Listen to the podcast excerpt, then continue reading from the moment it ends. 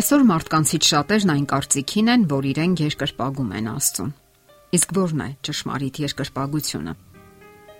Հաղորդումը սկսենք մի փոքրիկ պատմվածքով՝ Ղսմատ վերնագրով։ Ինչ է նշանակում ղսմատ՝ ոմանց համար անսովոր եւ երբևէ չհանդիպած արտահայտություն։ Բառարանում կարդում ենք. բախտ, նշան, հաջողություն։ Եվ այսպես։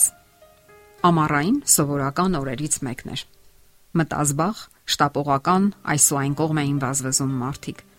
Արագ սննդի կետերից թխվածք էին գնում, որևէ սնում, հրաժեշտ տալիս ինչ որ մեկին գրկախառնվում։ Հարազատների միստվար զանգված լացով ու արցունքներով բանակ էր ճանապարում համարյա պատանի տղաների մի խմբի։ Տղաները կատակում էին, սրախոսություններ անում, սակայն ներքին անհանգստություն ունեին Մի պահ տեսնում եմ, թե ինչպես մի տղամարդ դանդաղ մոտենում է հանրապետության տարբեր քաղաքներ մեկնող այս կամ այն երթուղային մեքենայի ուղևորներին։ Ղսմաթա գնեք, թանկ չէ։ Ապա ուղևորներին է մեկնում գեղեցիկ պատկերազարդ մի նկար, որևէ սուրբի պատկերով կամ այլ առարկա։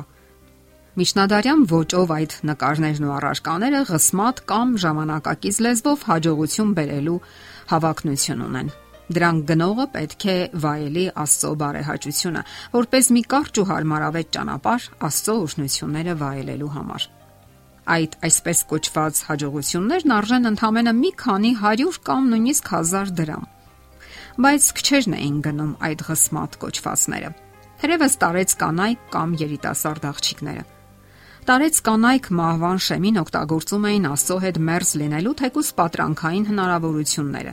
իսկ երիտասարդ աղջիկների ղսմաթային երազանքները պատտվում էին լավ փեսացու ճարելու շուրջ։ Իսկ միգուցե ճանապարհ դուրս գալուց առաջ անվտանգության երաշխիք էին որոնում բոլորը։ Հավերժական մի հարց է սարել մարդկանց աչքերի մեջ. ո՞րն է վերջապես ճշմարիտ ղսմաթի բանալին։ Ահա թե ինչու ուղևորները կասկածանքով եւ անշարժ հայացքներով նայում էին բաց արևի տակ երկար մնալուց սևացած դեմքով վաճառողին եւ արագ մի կողմ շրջում հայացքները։ Այնքան էլ հեշտ չէ դիմանալ քեզանից համարյա թե գումար աղերսող տղամարդկային հայացքին։ Մարդիկ տենդագին որոնումների մեջ հազարավոր մարդիկ աստվածային օրհնությունների են ձգտում։ Նրանք շփոթահար են, դյուրաբեկ եւ խոցելի, ամենուր ղսմատ որոնող այդ մարդիկ։ Որն է Աստվածային անկաշար ու առանց պայմանի սիրո ու անհատույց ողորմության գինը։ Ով կարող է գնել այն։ Ինչ գին պետք է վճարել Աստծուն։ Ինչ բարի գործեր անել արժանանալու նրա փրկությանը կամ ինչպես ժողովուրդն է ասում, ղսմատ ունենալ։ Ահա թե ինչու խղճահարությամբ ու կարեկցանքով եմ նայում մոլորված առևտրականին։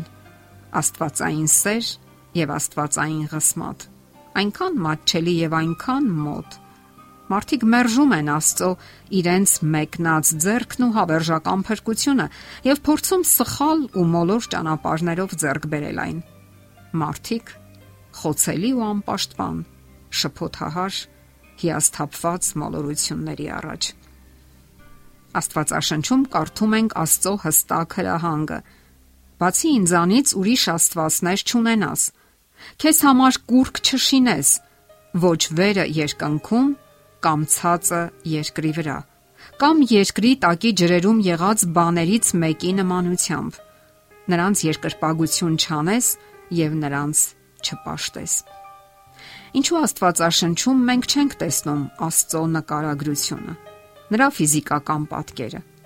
Նոր կտակարանում մենք չենք տեսնում նաև Հիսուսի ֆիզիկական կամ արտաքին նկարագրությունը,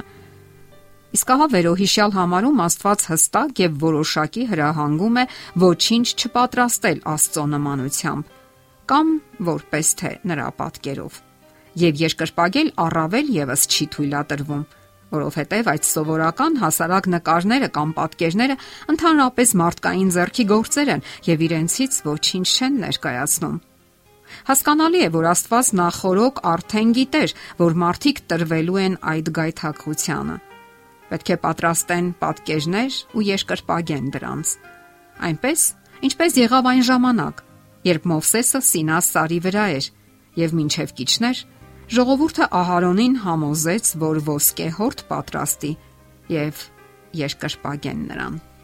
Ահա այսպես Աստվածաշունչը հստակ սահմանում է, որ ոչ մի բանի նմանությամբ պետք չէ կուրքեր սարքել եւ առավել եւս նրանց երկրպագություն անել։ Այդպես էր ամենասկզբից, եւ այդ արգելքը վերաբերում է նաեւ քրիստոնեական ցանկացած ժամանակաշրջանի Սակայն այսօր բազմաթիվ քրիստոնեական եկեղեցիներում տարածված է նկարների մշակույթը։ Դրանց աստվածային ուժ կամ հրաշագործ ազդեցություն են վերագրում։ Մարդիկ դրանց առաջ աղոթում են եւ նույնիսկ մտածում, որ նկարներում պատկերված անznավորությունները կարող են Աստծո առաջ բարեխոսել իրենց համար։ Մարդիկ պարզապես չգիտեն Աստծո 10 պատվիրաններից առաջինի մասին, ըստ որի Աստված հրահանգում է ոչինչ չսարքել իր պատկերով։ Չէ որ դրան արդեն հետևում է կռապաշտության հերթական քայլը՝ զորություն վերագրել պայտին, փշին կամ որևէ այլ առարկայի կամ նկարի։ Անկամ եթե այնտեղ Աստծո թվացial պատկերն է։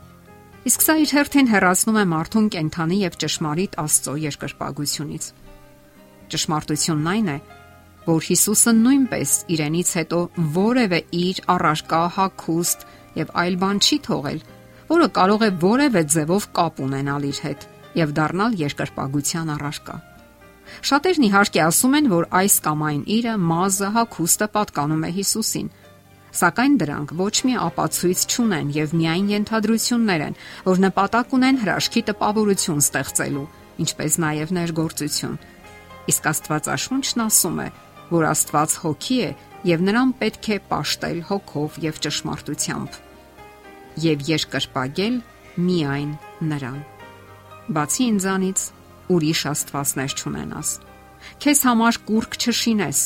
ոչ վերը երկնքում կամ ցածը երկրի վրա կամ երկրի տակի ջրերում եղած բաներից մեկի նմանությամբ։ Նրանց երկրպագություն չանես եւ նրանց չպաշտես։ Եթերում է ղողանջ հավերրության հաղորդաշարը։ Ձեզ հետ է Գեղեցիկ Մարտիրոսյանը։